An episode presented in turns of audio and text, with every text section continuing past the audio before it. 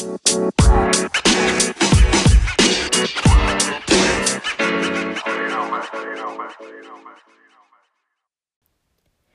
everyone, you're listening to the In Other News podcast, where Black British voices converse around new projects, initiatives, share opinion, and life experiences. And as founding editor of In Other News, I'm your host, Candice Oxley. Hi guys, welcome back to the In Other News podcast. Excited to be chatting to the founder of, I would say, right now, my favorite black business. Honestly, um, literally everyone I talk to, I say, "Oh my gosh, guys, have you heard of this business called Kwanda? Oh, you have to check it out." So basically, literally everyone I speak to, I tell about it. So, Jermaine, thank you so much for joining. Thank you for having me. I'm excited to be talking to you. Honestly, like, um, yeah, I love what you're doing at Kwanda and what you're building. Um, but before we get into anything, just a little bit of um, backdrop for you um, share a little bit about who you are. Um, and I say who you are first, not necessarily what you do. I think it's really important to distinguish the two because if what you do changes, you want to make sure that your who you are remains the same. Um, yeah, and it's easy, especially in this time, to attribute who you are to just solely to what you do. Uh, mm. And then three words to describe how you're feeling today. All right, cool. So uh, my name is Jermaine Craig. Um, I'm I'm actually very good at like separating what I what I do from who I am because that's just something that constantly on my mind, um, and I hate being attached to what I do too tough.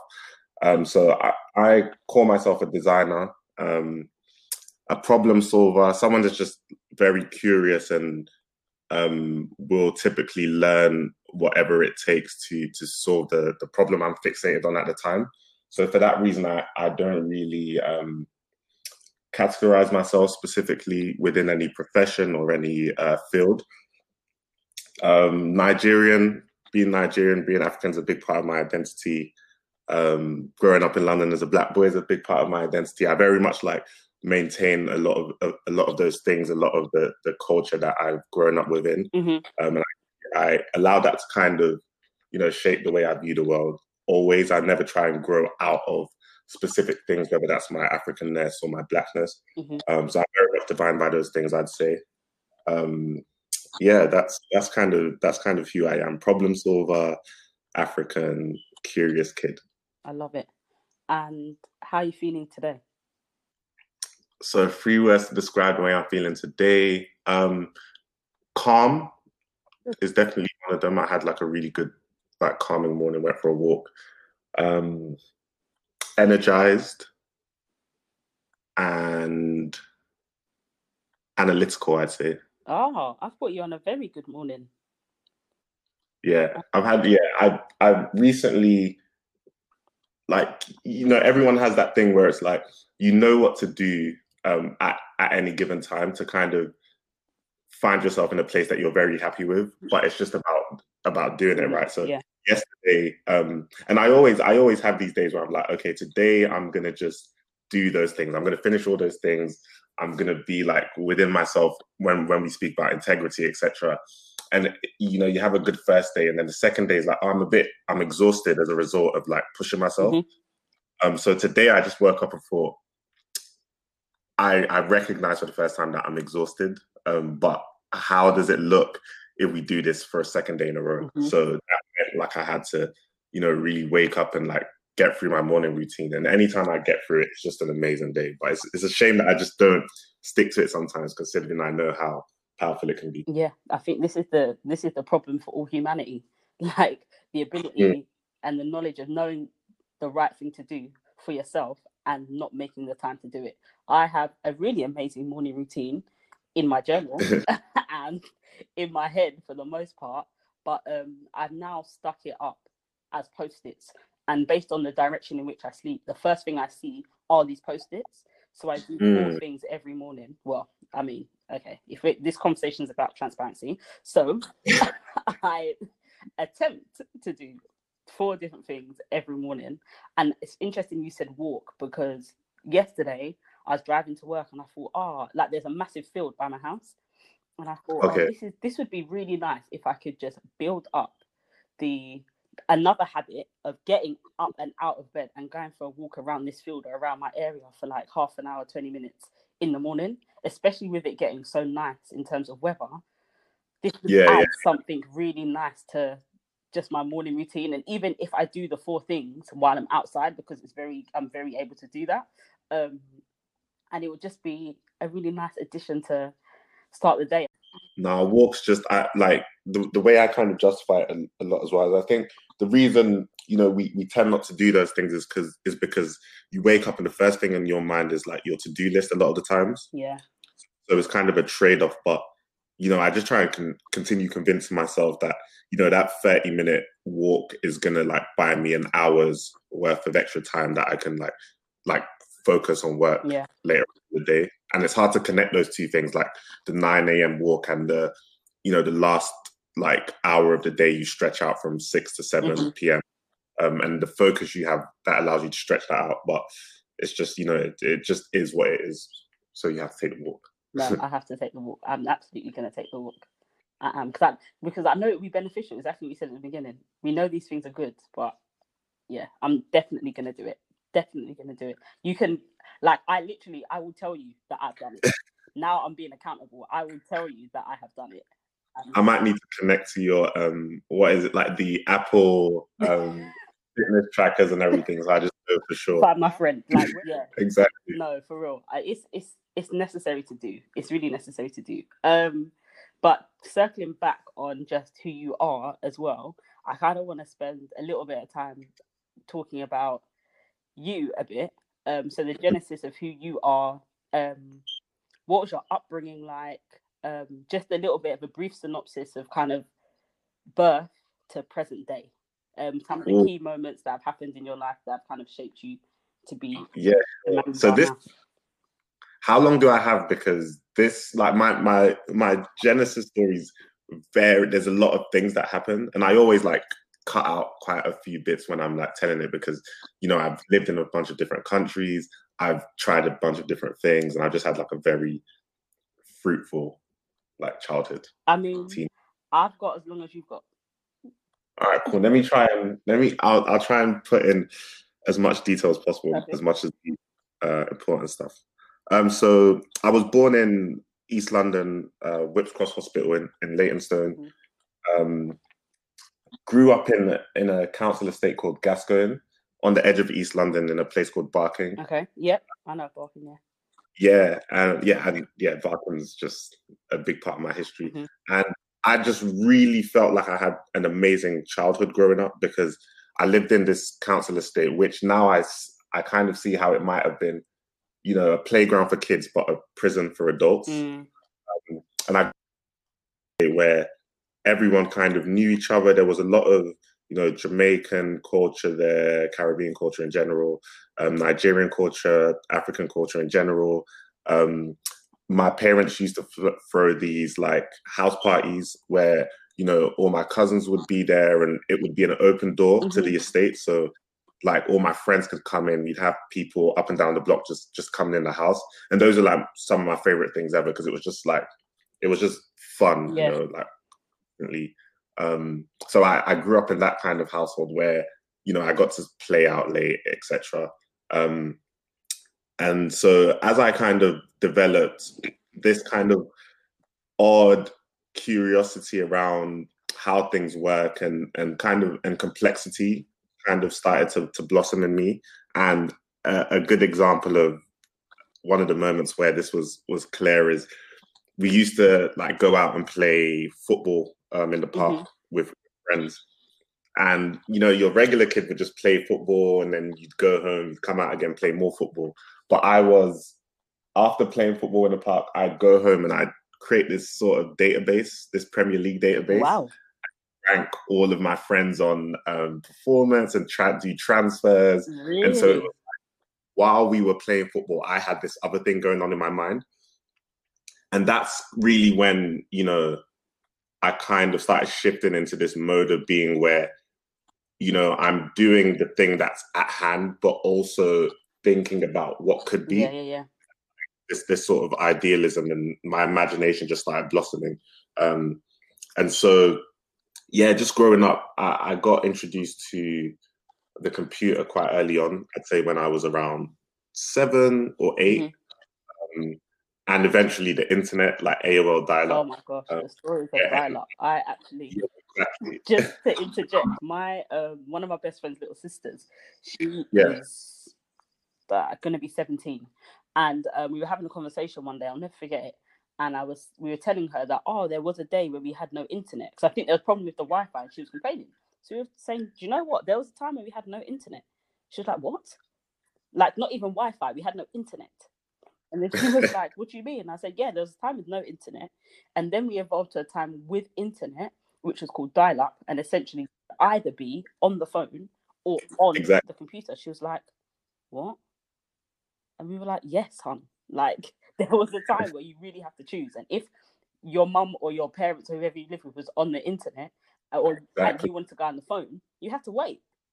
She honestly was looking at us like, what age did you lot live in? Because this doesn't make sense. And it's so mad that it, why things like Wi-Fi are such a norm for people mm-hmm. that are, are kind of born into the noughties. But for us, it's like I distinctly remember a time where fun was not around computers, fun was around like what you're saying, like being outside, playing football. Yeah, hundred percent. And you had to. It was like we had these creative constraints that we had to work around, and sometimes you just couldn't have fun. It was just like you know, none of your friends are out. It's raining, and you just have to look out, look outside, and there's yeah, yeah. there is no fun yeah, for that yeah, that day unless you can create something. But yeah, um, like funny you mentioned, you know, being on the phone and um, being on the internet not being able to happen at the same time. And so uh, I grew up in an African household, and my mom's on the phone quite a lot. So we essentially, you know, we had to like tussle, um, and it it really came down to like time allotments where it would be like as we increasingly grew older. I'm talking about like me and my siblings, mm-hmm. and my sister. Um, we'd have like you know 30 minutes on online per day, and then an hour online per day. And so what happened is I started um, like I, I remember I used to go on these like wrestling websites, and so what I started doing is like looking at the website source code. Mm. And then essentially like going through as many different websites as I can and saving all the HTML so I could use it offline. Wow. So I'd basically spend that 30 minutes just like wow. running through as yeah. much website um, and saving all the HTML. So like when my time's up, I'll just start browsing for like hours. Mm-hmm. That is and that's bad yeah, and that's kind of when I got um, introduced to like that's that's really when my my curiosity around the web and you know how things can be built um, came came about. So um, like kind of scurrying along, I ended up building my own website because I just had that kind of familiarity around code when I was around, I think eight nine. Wow. Um, so what year was this? This was this must have still been in the nineties. Or no? This would have been like 2001, okay. 2002. Um, yeah, this would have been like 2001, 2002, I believe. And um, yeah, so I built this this website, which was a cheat code website. Do you remember like playing PlayStation and you had to enter all of these cheats? Yeah. Yeah, I, I basically built my own version of that um, using this software called Microsoft FrontPage, which back in the days was the way you built websites. Mm-hmm. Um, and yeah, that was that was when I really just got onto the internet, started learning about how computers work, and then um, at the same time, obviously, I'm still doing this kind of like Premier League database. And, and I think my mom was this database.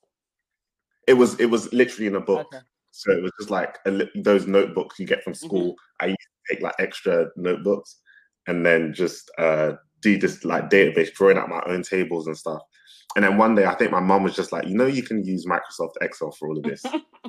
and then that's when I discovered that. And yeah, that was just like the one of the, the biggest discoveries because I could like finally organize all of this data.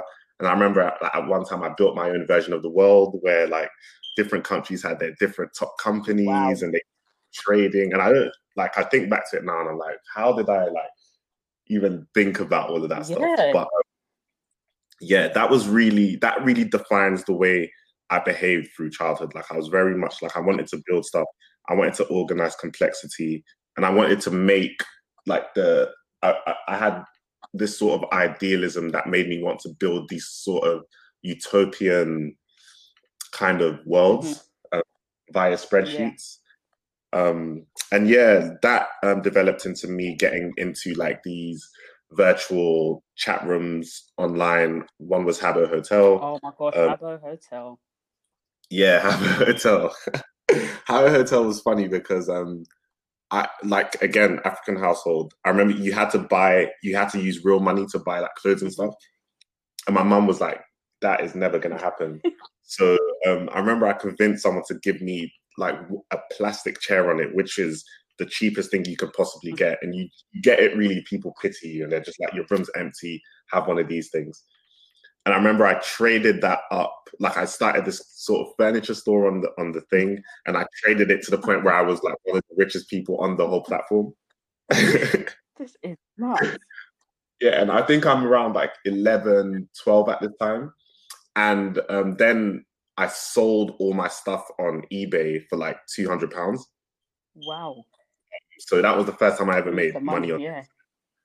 Um, and then that um, developed into another thing called IMVU, which was another kind of online avatar thing. Um, but with that, you could actually design clothes on it and 3D clothes and sell it to people. I did not remember this. Yeah, IMVU. Yeah, a lot of people don't as well. I think it's it was like big in America. Okay. Um, yeah, so you could design 3D clothes. I started. I essentially started doing that, and I made this uh, virtual clothing brand called London's Finest. Um, um yeah, London's Finest was really successful on, on, on the platform. Like, was making was making like a hundred pound a month or something. Really? Like 13, 14. And all now I haven't even and this is what I mean about my um, story is very complicated because whilst this is happening, I moved to Nigeria twice and I also moved to Birmingham to, to go to school. Wow. And what caused these moves? So um, the first time in Nigeria was just kind of my mom just wanted to go back to Nigeria mm-hmm. and see if it's um, somewhere we we can live. Yeah. Um, she was born there. She missed it. Um, at the second time, my mum just didn't want um, me and my siblings to go to an inner London school because she was a teacher at that time, right. and she was just like, "This isn't the type of school. These aren't the type of schools I I, I want my children to go right. to." Um, and so we moved to Nigeria for a year. Um, and at this point, I think I was in I was in year six, and so when I actually got to Nigeria, because you're um, placed based on your level of intelligence, right. so I uh, put up a year above, which put me in secondary school like a year earlier. Mm-hmm. Um, and that was the first time I was actually stimulated. I think the reason I was doing all of these things, like all these Premier League databases, etc., because I just wasn't stimulated at um, school, and I was seen as like the kid with a lot of potential. Yeah, yeah, yeah that will will eventually waste it.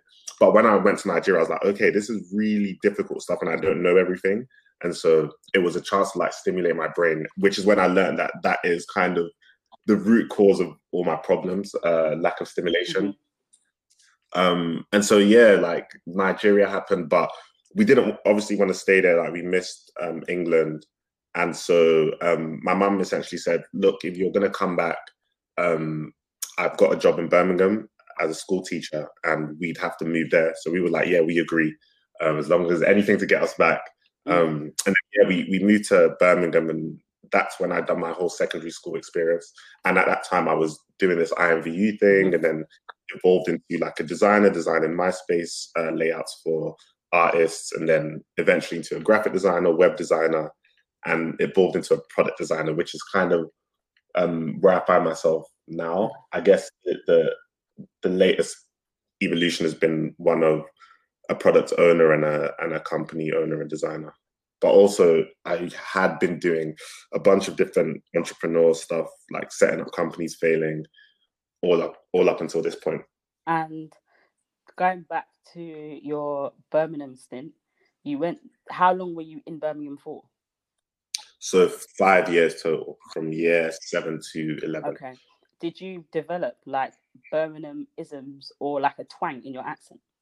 I definitely had an accent um, from year seven to because I was I'm I've always been someone who has tried to fit in, mm-hmm. um, just because I moved around a lot. I, I, became very observant and I was like, okay, how best do I fit into the place I find myself in? So I developed a Birmingham accent very quickly from um, but then what happened is I think in year nine, I I went to London on like my annual summer holiday and I was hanging around with like my cousin and some of his friends in South and they just had this thick London accent and I was also watching Kidulthood. Mm-hmm. I just thought, yeah, I'm gonna drop the Birmingham accent and get back to this. And, and it was just um, day one. It was just as soon as I came back, switched. Like a few people were like, "Oh, your accent changed." I was like, "Yep, that's it," and the rest is history. Rest is history. That is so interesting. And would you consider ever moving back, well, outside of London, London again? Um, so I actually did uh, move back to Birmingham one time, uh, probably like five or six years ago. But yeah, I just got there and I was like, nah, and I moved back to London. Yeah. I missed London. Um, in in regards to moving to other places outside of London, like I've um, I moved to Belize uh, a few years ago oh. when I was 23. Okay. And how long um, were you um, there?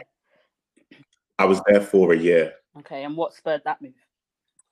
Um, I was just bored. Um, I was just really bored. Like I'd just previously been living in San Francisco for a for a job, and oh, yeah, and I got like a really good San Francisco wage, which was more money than I'd had growing mm-hmm. up. So I kind of moved back to London. I got a nice apartment, um, and then it was like, oh, these are all the stuff that I used to say I wanted, and now I have them. Mm-hmm. So I get into this sort of existential depression about you know life and what I want to do and why I'm not happy with my nice apartment, etc. Yeah. And yeah, I was just watching actually a show on Netflix called Mad Dogs, um, where they're in Belize and they get like caught up in this whole drug feud. Mad, yeah, yeah. And and I was just like, honestly, that looks a lot more fun. Like I know it's dangerous, but that looks a lot more fun than my life. And I was just like, okay, I'm going to Belize.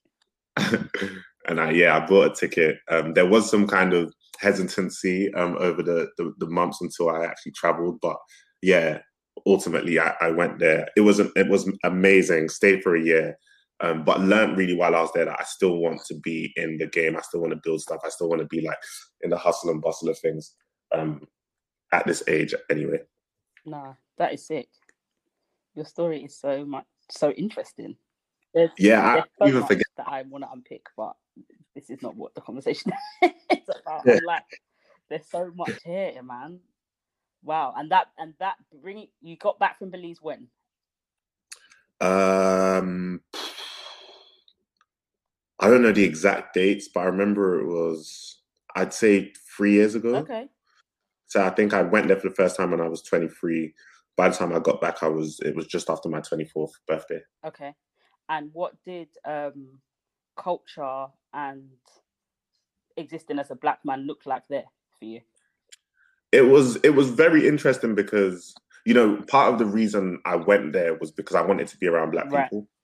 Um, I, and I wanted to be in what I saw at that time as my natural habitat, you know, by the beach, mm-hmm. uh, spending a lot of time in water, spending a lot of time under the sun. Um, and so it, it, it was a really interesting. I, I don't want to say I don't want to say I found what I was looking for in regards to that natural habitat, um, because Belize is very interesting in that you know you go there and it's very multicultural. You know, there's uh, people, there's Mexicans, there's um, Spanish people in general, there's Native Indians, there's the Creole, there are Chinese people, and they all speak the same kind of Creole language. So there isn't this um, divide in that sense. But at the same time, you have a lot of like older aged Americans there. Okay. And you realize that they the the Americans um, mostly own all of the the real estate, the businesses there. So you it's kind of like a a more visible sense of people having and have having nothing and other people have other people having everything. Yeah.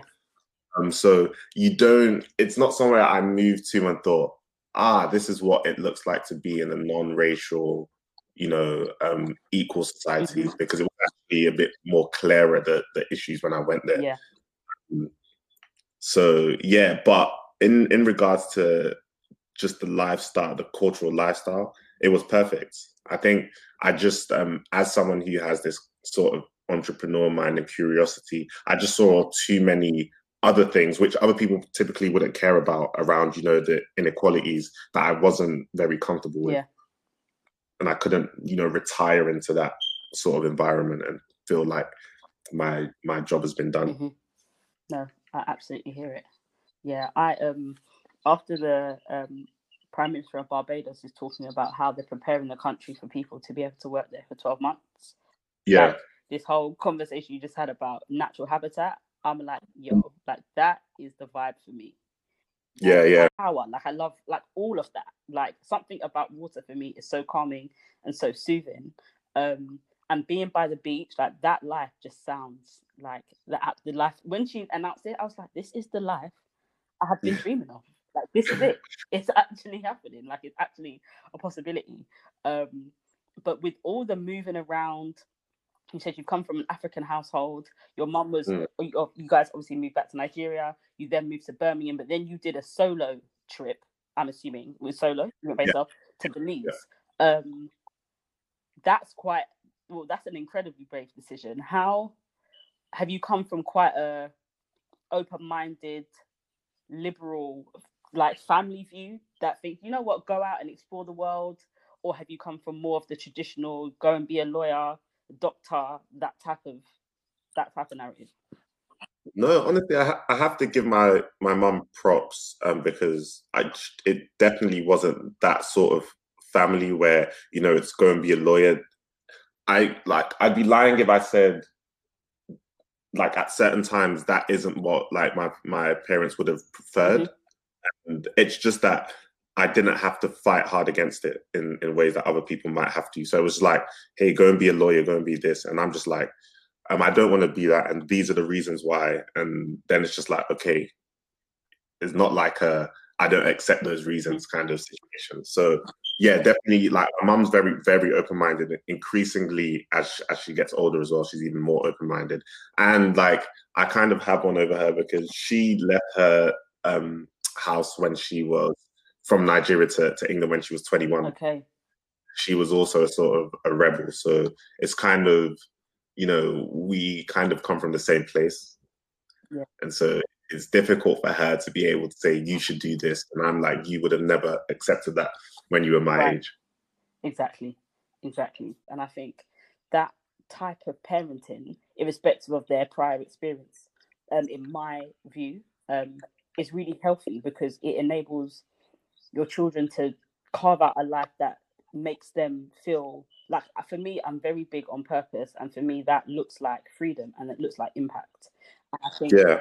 for in order to have that you have to be in environments that make you feel at least free to make your own decisions um, Absolutely. and it sounds like that's kind of what you've come from and as a result your life has kind of expanded into what it has what it is today Yeah, absolutely. Yeah. It's just, I, I think as much as, and as much as, you know, the environment, also you um, making the decision to allow yourself to, to do that and to, to, to go in that direction. Because I think, you know, as anyone, there are a lot of ways that I stand, um, that I block myself, whether that's, you know, when we speak about relationships or uh, friendships or anything else. But I think one of the ones where, one of the things where I was like, I'm absolutely not going to get in my way on this is my curiosity. yeah Um, and if that takes me to India, so be it. If it takes me to Mars, so be it. But yeah, one of the things that like I, I have for myself, um, and I don't compromise on for anyone really. no i'm into it and um i'm big on oh see this conversation is taking a whole different direction i'm um, i'm really big on um friendship like for me friendship is like almost one of the cornerstones of my being really um you just mentioned that friendship and relationships isn't something that you typically are you, you stop yourself in what does that mean Yeah, it means um, I don't. Th- those are places where I find it difficult to put myself first. okay and to be ruthlessly, you know, going for exactly what I want Okay. at all times. Okay. Um, and so it kind of it, it's actually weird to people where they're like, "Oh, you're so hesitant in in this area, whether it's around friendships, relationships, or you don't um you, you do too much for people, da, da, da, da, and then you know when it comes to this curiosity, you're kind of ruthless about it. When it's so it's like I'm moving to Belize, and people are like, please don't. I'm like, no way, Yeah. am I even like I, I didn't even hear you say that kind of. Uh, so yeah, it's just, but I guess it's give and take, like, and ultimately, like as I get older, I get to a to a more balanced and better place in all of those areas. Yeah. But I think I had a head start in regards to packing up and leaving and going to go and chase something. Mhm. No, I'm into it, and I think what you mentioned about like the the almost like the oxymoron between being open and like ruthlessly open in some areas and like not so much in others. I think that is just testament to the human character. I'm I'm an incredibly social person. Like I really enjoy being around people. I really enjoy meeting new people and just engaging with new people. But at the same time, I I am obsessed with my own company. Um, Mm. and like because people know me a, a lot to be social at first they hard it, they find it hard to grapple with the fact that yeah but you you're always out. Like you you're always doing something. You're always with people. But you can exist both in being social and being out and being like just loving community as well as loving just having time for yourself. And i think those two opposites are what make humans unique and special and interesting Yeah, I agree, one hundred thousand percent. Yeah. So in terms of just lastly on like your background in Genesis, what are some of the main things from a family um, standpoint that have informed your character, like core values type of? Mm. Hmm. Let me see. I think you know, um, and and I've noticed it more so as I've gotten older. But like growing up in an African household, um, the the idea of being African and, and even more specifically a Nigerian household, the idea of being Nigerian uh, brings me a lot of comfort Oh, I love that. whether that's you know Nigerian Nigerian food and, and Nigerian languages, um, Nigerian music. Like it, it's just very comforting because that was that was my home. That was everything that I was surrounded by, and so um, more so, I'm I, I'm just like leaning into that as, as I get older, Mhm. um, and I kind of realize where where I feel comfortable, where I want to be, um, and it's really you know my Africanness, my Nigerian that um, kind of I, I think will really define me going forward and and and the things I engage in. Mhm. It's just yeah, it's just like I've I've started recently saying it's the most um, enjoyable part of myself, and yeah, I'm just really noticing uh, this pattern in how the experiences I, I enjoy most are surrounded by that feeling of um, Africanness. Yeah, I love that. I love that. Um, and now fast forward into present day, Yeah, the inception of Kwanda. yeah. Um, how did it start? Why did it start? Um, and what does Kwanda mean first? And yeah, why and how did this evolve? Yeah. So um Kwanda, um the English translation is gift hmm and the I believe it's uh South African language. Um it's translated to um you know to increase or to grow something. Um so I think like as far as the the brand goes, those those two definitions really speak to what we're trying to do. One is, you know, we're trying to increase um something, whether that's the well-being of, of black communities, whether that's the wealth of black communities. We're trying to grow something um, from scratch, and then um, the the form in which we're we're doing this is by way of giving. So um, it's ultimately a gift to people. I love it. I have described it to people as the millennial and modern day answer to a partner. Yeah, yeah, yeah, yeah. And I think how you operate this is just in yeah, it's just incredible. So talk us through the journey. So Kwanda exists. I am interested in being part of this community. What does that journey and process look like for me? Yeah, so typically you, you'd come across Kwanda um, on on social media, people sharing it, or in a WhatsApp group, um, and you'd land on this bright yellow website, um, which uh, vaguely describes what we're trying to do. Which is stunning, by the way. Thank you very much. so this, yeah, this website vaguely describes what we're what we're trying to do, and really is trying to um, capture a vision for what a future could look like if uh, uh, members of the Black communities, um, White communities, Asian communities came together um, um and pooled their funds mm-hmm. uh, with an aim to to develop Black communities. And you click join the village, and the village is what we essentially call our organization, our group, our membership. Um, and in order to join this village, you have to put down a contribution, of which the minimum amount is one pound. Um, and and the idea behind that is, you know, if a million people put down one pound a month, you have a million pounds a month mm-hmm. being being poured into Black communities. And once you've joined, um, you get an email saying "Welcome to the village," and you're able to log into your account. And now, being that you you are now a villager, or member, um, you have full transparency on everything we do as an organization.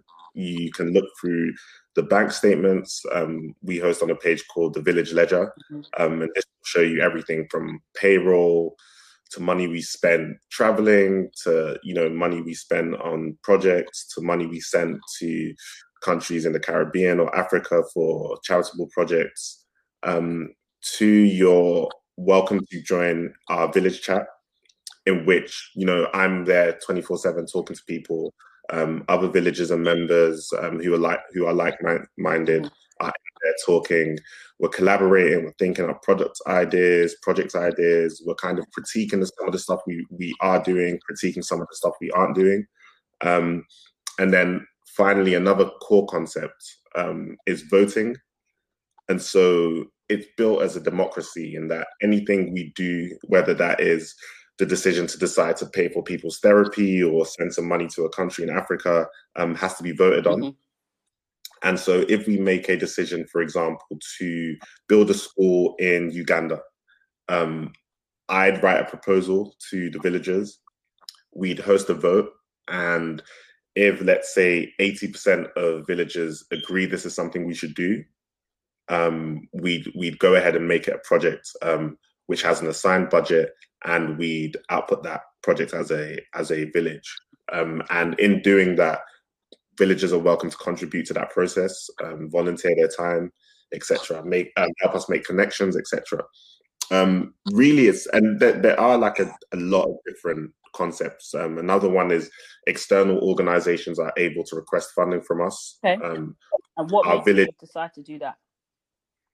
Yeah, it's just because ultimately what we're trying to do is far reaching and in order to achieve that we need to be highly collaborative mm-hmm. and we need to avoid recreating the wheel we need to um, pour our, our, our, finances of funds into um, grassroots organizations that are already doing the work um, and this just allows us to stick to doing what we're, we're actually uniquely uh, good at which is one um, organizing the collective finance of, of black communities and two using technology to kind of um, introduce transparency and trust to this process. So yeah it's really about finding a way to to partner up and everyone kind of jump on the same um, boat and and do this together. And our job is to design a vehicle um, to which everyone thinks it's worth getting into mm-hmm. essentially. Yeah. Um, and just, yeah, and so yeah, we we we really want to make sure we're more of a facilitating engine as a result, um, rather than you know a sole producer. Yeah. And so you know we're iteratively getting to that place. And another thing is just that we're doing something that no one's really done before. Mm-hmm. And we're being very open about mistakes we're making and the fact that we're learning on the go and so we're taking in a lot of data and adapting according to what the, the environment uh, like kicks out us. Yes, absolutely. I think um, you mentioned a few things that I just want to pull out. Um, it's obviously incredibly community focused. Um, why was it important to build? Why why was it important to build this type of community? Um, and how have you found meeting the many different people that have kind of come into the Kwanda ecosystem, so to speak? Yeah, I think um, in regards to this specific type of community, I think it's just something we've we've all spoken about for a long time. Mm-hmm. Um, so a part of it was let's finally design this thing that we we've all spoken about and see if it's something we really want. And just by the um, response, it's clear it has been. Yeah. A lot of people just um, join the community and say, "Oh, I've I've had this idea, mm-hmm.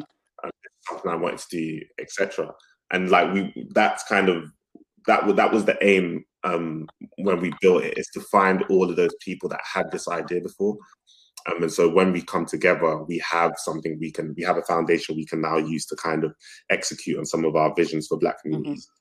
Mm-hmm. Um, and in, in regards to the way the community is designed, I think there are a lot of people trying to, you know, build solutions that um, help and further Black communities, but they're not building them for Black communities um, and for Black people. And that's everything from the color palette to, you know, the um, tone of conversation to you know the formality and the in, the informality and making sure those things happen at the right times um, and even something as simple as you know African names in your form placeholders. Yes, and it's the just detail. yeah, and again, it's it's it, it speaks to the idea of feeling at home somewhere. Yeah, um, and you know, going somewhere and feeling like you know this is where I belong. This is where my form of charity should take place. This is where my form of volunteering or contributing to something should take place and this is somewhere that I can exist forever, as opposed to temporarily mm-hmm. as a transaction to get something to add something to my CV. Um, so yeah, I, I think it it was just important we built this this community because we're in a new age and we've seen things like this work before when we think about you know Black Wall Street or Black Panthers. Yeah. Uh, but those things weren't protected by the internet, internet. In, in, the same way things are protected now. And so it would be a shame if we just didn't try it again because um, it just might work this time. Yeah, absolutely. Um, oh, there's something else I want to pick up, but I don't want to forget this question. In terms of try again, um, in terms of trying again, yeah, you mentioned at the very, very top of the beginning, the conversation that you'd had a few different business ideas that had failed. Um, why do you think Kwanda is working?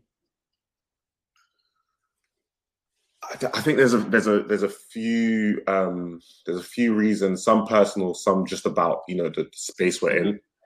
Um, I'll start with the the space we're in.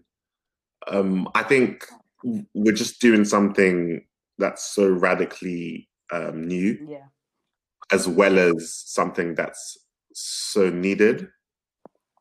You know, this is this is just an example of something people have been asking for for a while and has never been built. And I have a hunch that it's because Black people have been asking for mm-hmm. it. And you know, there there is this kind of idea that there's no market um, um, if you want to create like a huge company um, and, and, you're just serving Black people. Um, but obviously, the nature of this this being a non-profit means we didn't have to worry about that.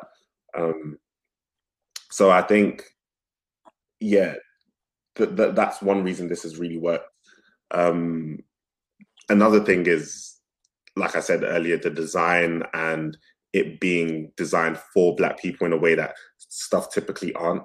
Like this is just there are obviously a lot of examples of of apps um, services that have been designed for Black people, but this is one of the more obvious ones. Right. Um, and so I think that's a that's a big reason that it's working. Um, and from a personal point of view, I think this is just the first time I'm working on something that I intend for to to exist past past myself. Mm-hmm. And so, you know, this just gets started for me in 30 years. Yeah. Like that's when it's it's concrete. That's when we have a, a real foundation to build off of. And this is the first time I've approached a business with that kind of mentality. Mm-hmm. I guess it being a nonprofit helps because you know there's there's no money in it for me, so I really have to care about it mm. um, in ways that I didn't about the other businesses I tried to build. Mm-hmm. And um, what what made you decide for it to be a non-profit? Because it would still be just as effective if it wasn't a non-profit. So why did you go down that route? Uh, yeah, it was partially. Um, well, I was very certain that um, I'm always going to re or the company's always going to reinvest the profits yep. into the community. Um, and that's very much the, the, nature of our, our legal setup anyway. It's it's basically calling you as an organization to continually reinvest. Mm-hmm. Um, and to trust. Like I didn't want there to be any doubt at all that what we want to do is reinvest this money into black communities. Mm-hmm. You know, so you know, we're legally not I'm legally not allowed to profit off of this. And so yeah, I think it, it's it's part of building that trust and transparency mm-hmm. and being very clear about what we want to do and committing to do it and having a legal structure that forces us to do that and, and holds us accountable. Yeah. So how how do you finance yourself day to day at this point? So I'm soon going to be taking a salary, mm-hmm. which will be helpful. Um, I'm I can get like a design job pretty easily. I've had like a, I have a solid portfolio and I've had a good career. Yeah. Um, so if I had to, I could, and I've got a great network. So if I had to, I could pick up some work. Mm-hmm. Um, have good savings. I trade stocks, um, which I, I can more or less live off. Yeah. Yeah, and I think now because I have taken a, a, massive pay cut, but I think now like a, a lot of the things I'm thinking about are ways I can just, you know, simplify life. Mm-hmm. Um, so I'm focused and I don't have ridiculous expenditures because I'm not like chasing stuff mm-hmm. in a way that I was before. You know, which is which is cool as well because it's a challenge to really, you know, develop some cadence. Yeah. Um, historically didn't have, as you noticed, I was like traveling around the mm-hmm. world, etc. So um, it's a it's an exercise in developing some personal cadence in my life and kind of finding my number um, so yeah, but yeah, I'm I'm I'm pretty much like stable financially. Um, so all good. um, this is yeah. The more I talk to you about this, the more I'm like, yeah, this is why this is my favorite business right now. this is really why. Um, and you talk a lot about transparency.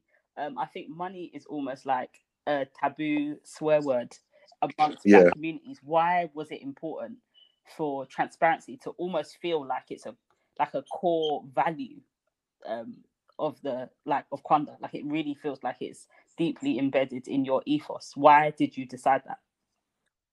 Yeah, so there's there's there's two re- again there's a, there's a few reasons. There's personal reasons and there's like business cases.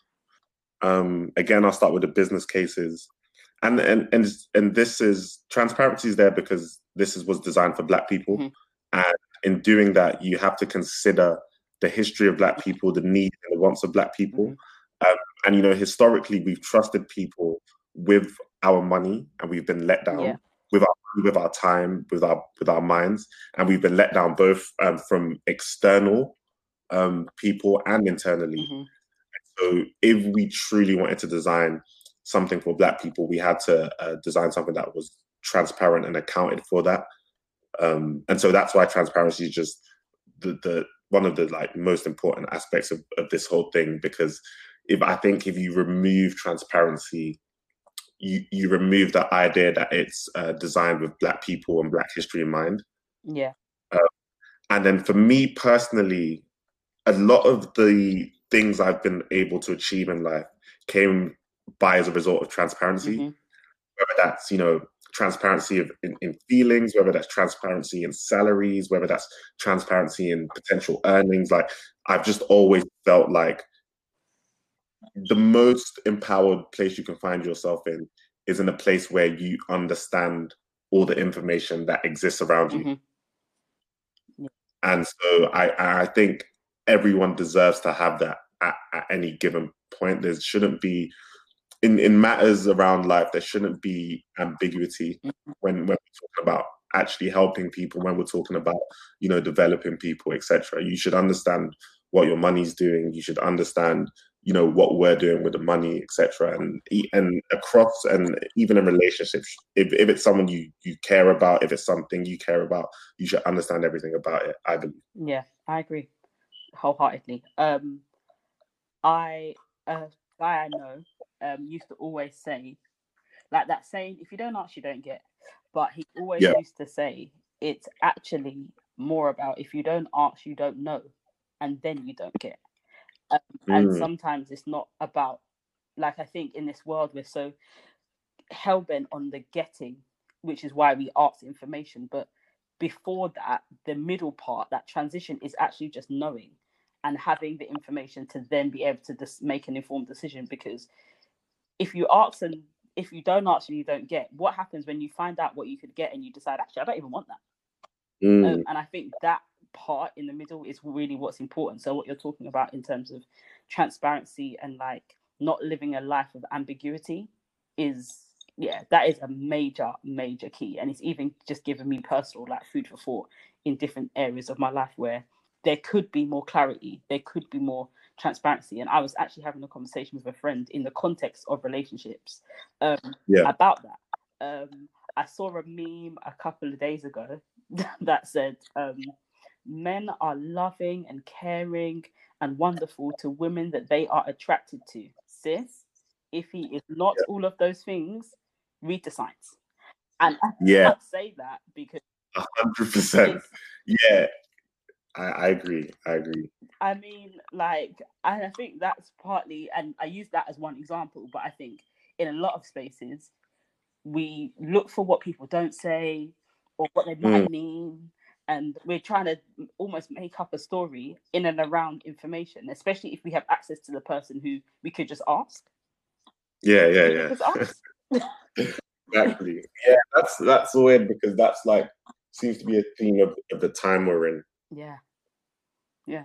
And I think you do a, a service to yourself by uh, being easy to read in a mm-hmm. sense, mm-hmm. you know, and then you don't, because I'm someone who, you know, if I'm not totally transparent, I have to, to think about that and I have to, what, have, have I been transparent? Am I allowed to now make this next step and have it understood by people, etc. So you do a service to yourself by being transparent, yeah. and it allows you to, to to do more um, going forward to like make mistakes, etc. Because people understand where you're coming yeah. from.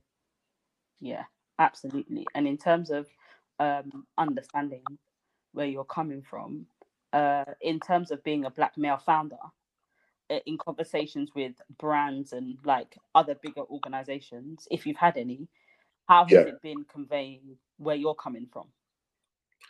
Um, so so this is like a, a, a really interesting thing because I've always and I have a set of like cultural rules that we follow at Kwanda. Mm-hmm. One of them's "don't cry, don't beg" kind of thing. I've always been of the position um, or the belief that I'm an asset to to whichever room I end up in. Mm-hmm. Um, and so I've never felt I need to convey myself um, in any particular way. A lot of the times when I'm talking to brands, um, the question is, why should we um, allow you to give us money? Yeah. Kind of, kind of versus the other way yeah. around. Um, so yeah, in, in, in regards to talking to brands, conveying myself, I just kind of, I, I haven't really thought about it. We just have a conversation. Yeah. And it's, it's more so I'm making decisions as to whether I want to be attached to this brand. I'm making decisions as to whether I want to be vocal about about the fact that they're supporting us, mm-hmm. uh, and generally if they're worth being, you know, a part of the Kwanda journey. Yeah, that's um, and yeah, I think that's the way we need to flip it, especially as Black communities. We're so used to the language and the conversation being the other way. Um, even when we're pitching, it's very much around, yes, the nature of the pitch is around like, you should give us this, but and we're asking you for this. But really, the underlying is that after I've said this, why should even after this conversation, why should I let you be part of what I'm doing? Um, mm. And I think for a long time we've been crying and begging, and now it's absolutely time to just, yeah, don't cry and don't beg. Um, yeah. And actually, I think again, one thing that saves like me personally in Kwanda is again the non-profit nature. Mm-hmm. I think like in in other situations where I find myself where maybe the conversation isn't so much a don't cry, don't don't beg one. It's because a certain like amount of money has been dangled, mm-hmm. and I can see how useful that would be to me personally. Yeah. But again, with Kwanda, because there's no opportunity to profit, and what we're we're, we're not really a a numbers company, like it's more of a, a vision company. Mm-hmm so success for us is operating in a specific way, but not making a specific amount of money. And that is, you know, every conversation is around how this affects the vision, how this affects our approach, how this affects um our like cultural kind of presence. Mm-hmm. Um and so it's very easy to be like, I don't want to take a call with Google because you know there's nothing to be gained from it um, financially. And if they had instead approached with kind of this um, view on how we can both improve the, the the the kind of visuals on Black communities and access to opportunities, then I'd be more like, yeah, I want to I want to take that yeah. call. Yeah, everything's um, you play the long game. Yeah, precisely. Yeah, you play the long game. Um, changing the tone of the conversation a little bit what do you love most about being black? Oh, I just there's so many. I I don't even know if it's kind of like I don't even know if this is just unique to black people, but yeah, it's just kind of like the the there's this thing which I see as the hidden language. Oh, yeah, I was gonna uh, in my brain. The answer to that question for me is the isms of blackness. Yeah, precisely. There's this thing that is hard to capture, but it's just there and it transcends borders. It's there if you go to the Caribbean, it's there if you go to Africa, mm-hmm. it's there if you're in Europe. And it's just like a, yeah, it's kind of like a, a third arm mm-hmm. that you're able to, to, to operate with. Yeah. But I guess, yeah, I think what, what you said really captures it the isms. Yeah. And again, it's like, do people understand what the isms means? But yeah, it's like this sort of hidden language that we get to to play with. And I find that quite interesting. Yeah, I love that. And um, in terms of black male um, representation, who for you um, have you been inspired by in your journey thus far? Let's see. I'm old school in that I like the idealism um, surrounded by by black males. So Denzel Washington. Mm-hmm. Um, he is classic. Yeah, I just like, I, and I don't know what he's like in real life, but I watch a I watch a Denzel film and I'm like, yeah, I like that. Mm-hmm. Um, who he comes close? Denzel Washington. Kano, man, I like Kano. Mm-hmm. Kano's another one. Uh, there are like a, a, a, few obscure people, like you know your Tristan Walkers. What? Why uh, Tristan? I just I just love like what he he what he did in regards to branding. It's it's yeah like, yeah. I just think that is.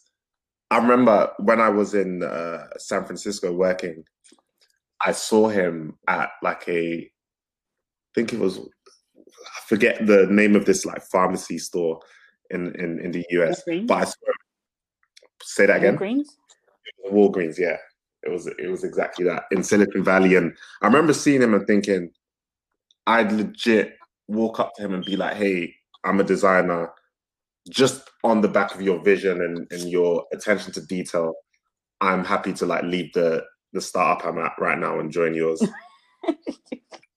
I'm very much not like that. Like I'm very stubborn, very prideful, um, and there aren't a lot of people who I'd I'd join in building their their companies and their visions. Yeah. Um, so yeah, and that kind of that was the first time that happened, and since then it's kind of I, have been able to do that with with a lot of people. Um, but yeah, there's so many people that inspire me in different ways, man. Even like my peers, um, like a lot of black. Right now, I'm being inspired quite a lot by black women mm-hmm. because hey. I'm seeing a lot of the stuff uh, they are doing, and then kind of reading into uh, the obstacles mm-hmm. and putting those things together and just thinking, wow. And so right now, I do think like Earth's most prized resource um, when we think about ingenuity and creativity um, at this current moment um, are Black women yeah. by quite a quite a way, and a lot of the data supports that as well. So, so yeah, I'm very inspired by a lot of a lot of Black women right now, man, in the, in the tech space specifically. Thank you very much. We appreciate it. we appreciate it. Um, what are you guys in terms of Kwanda? What are you guys working on now? What are some of your active um, projects? How can people support, continue to support the vision? Yeah, so um, right now we we are transitioning into like our second phase of development, mm-hmm. which which means um, more permanence, um, more sustained impact. And so we're actually in a weird place now where I'm trying to figure out, you know, exactly what that looks like for the for the coming months. Mm-hmm. Um, we are kind of finishing off some existing stuff. Um, we're currently um, in collaboration with BYP, um, offering grants to Black key workers. Yeah, big up BYP. Um, yeah, so we're we're distributing those grants right now. Um, we have a therapy program, a group therapy program um, which we're going to be running permanently now. Um, in which, yeah, in which we have different groups: one for Black women, one for Black men, one for Black LGBTQ, um, one for Black teenagers. Um, and so we're we're making that a bit, making that permanent and, and rolling that ongoing. Um, yeah, we're just kind of tailoring off uh, the projects. We just did a scholarship a UXUI scholarship in collaboration with Love Circular, mm-hmm. in which we uh, gave five people paid for scholarships on on a UX UI course, um, which was well received as well.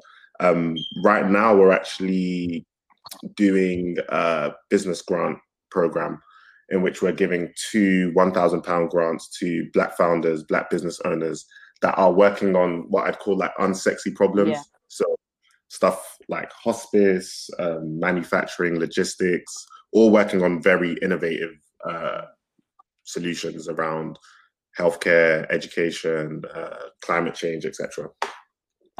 So yeah, there's quite a few different things going. I kind of forget myself sometimes, but yeah, all of that's happening, and then we're thinking about you know how we communicate the vision for the next few months because we want to do like we want to start doing you know stuff like you know work with architects and really developing plans for spaces that could be useful for Black communities mm-hmm.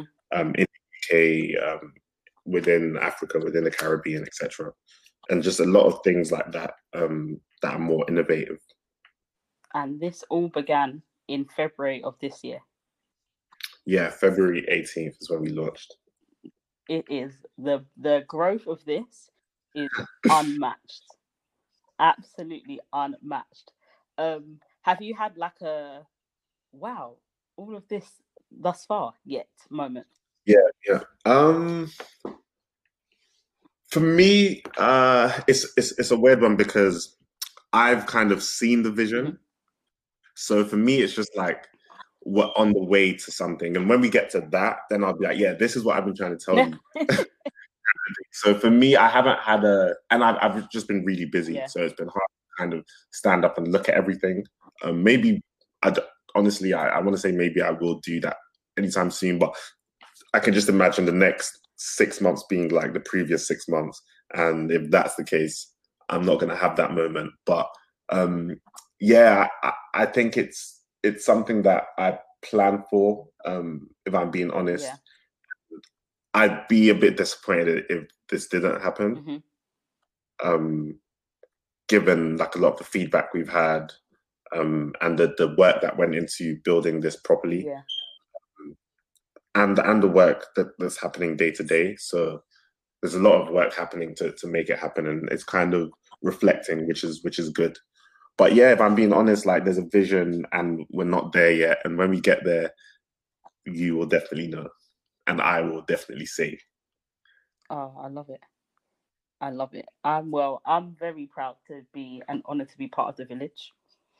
Thank you for joining us. Um, and yeah, I, as I keep saying, what you're doing is incredible. And yeah, thank you for actually because I was one of those people that had a similar idea. Um, yeah. You know, and um, yeah, thank you for starting it because I think yeah, as you mentioned, like a lot of us have thought, yeah, this would be sick, and just for whatever reason haven't put the wheels in motion. But yeah, we appreciate you for actually putting the wheels in motion and starting to build something that I truly believe will definitely live beyond you. Um, a hundred, a hundred and ten percent. Um, what does the rest of the day look like for you now?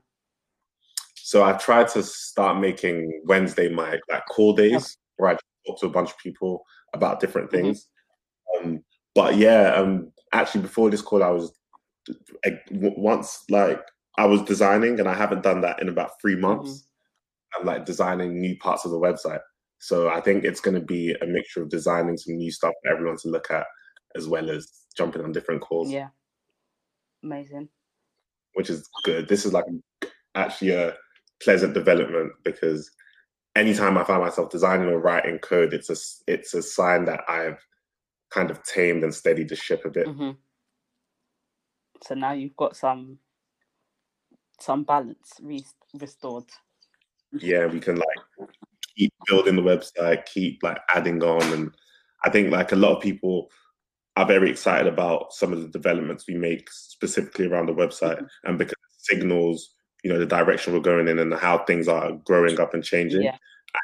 It's been a few, like I said, a few months since I've been able to to to to, to do that sort of work. So I'm excited to be back in a place where we're innovating and thinking about you know, how does Kwanda change um, going forward? Yeah, I love it. And um, just before we wrap, what when are you when do you plan on having a rest?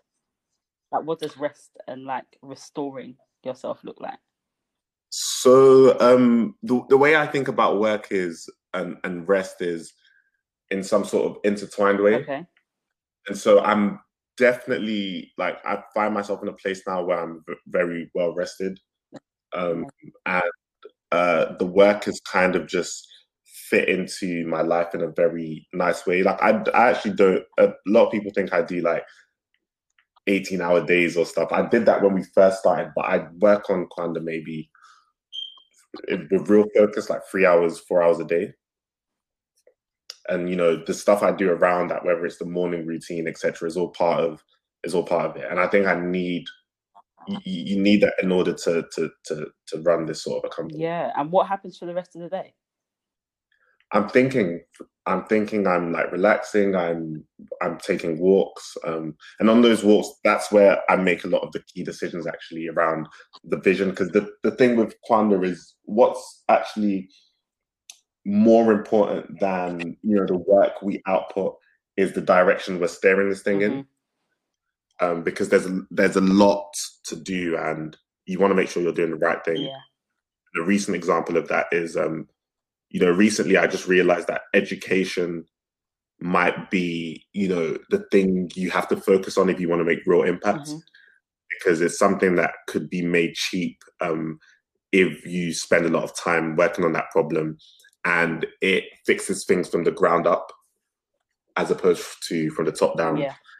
That's a decision like I made after just like going to my mum's house and complaining about, you know, some kind of insecurity around direction mm-hmm. and then talking. So all of those things as well are, are very important to to and I, I count them as work. No, I need to adopt this way of working this sounds like it is absolutely the move. Yeah, it's it's it's it's difficult because it's counterintuitive, and your brain's gonna keep telling you that you're not. Yeah, yeah, yeah. You, you are really. Yeah, no, that's that's that's the type of work life harmony I'm into. But um, yeah, I very much appreciate your time. Yeah, thank you for having me. It's been fun. Um, I always love these like conversations one on one, just talking about life, talking about business. Yeah, I've really enjoyed talking to you. Where can people follow you? How can people join? Um, just plug yourself. Yeah, so um, the big plug is the, the, the join Kwanda. We need more people in order to maintain this as a viable structure for Black communities. Mm-hmm. So Kwanda Co, uh, K W A N D A dot co dot c o. Um, and once you land on the site, all the information you might need to know is there readily available. And the process of joining is very much straightforward as well. Uh, me personally, I'm mostly on Twitter. That's kind of where I where I spend my time if I'm on social media. Um, and it's twitter.com forward slash Jermaine Craig, uh, J E R M A I N E C R A I G. And that's really the, the, the main portal to me. I try to stay off everything else because it's it's a bit too much. Mm-hmm. Yeah. And then the Instagram for Kwanda is and the social for Kwanda are. Instagram for Kwanda is um, at join Kwanda. So join J O I N Kwanda K W A N D A, and that's also the Twitter. But if you Google Kwanda with Twitter or Instagram or LinkedIn or whatever, you probably easily stumble upon profiles. Amazing. Uh, amazing. Well, yeah, this has been great. Thank you so much. You're welcome. Um, and as usual, guys, make sure you like, subscribe, share. Um, keep up with a good report in Other News UK across all platforms. But yeah, Jermaine Craig, everyone, the legend that is Jermaine Craig, first of all. first of all. But yeah, thanks so much, and we will talk soon. Okay, perfect. Good. Bye, guys.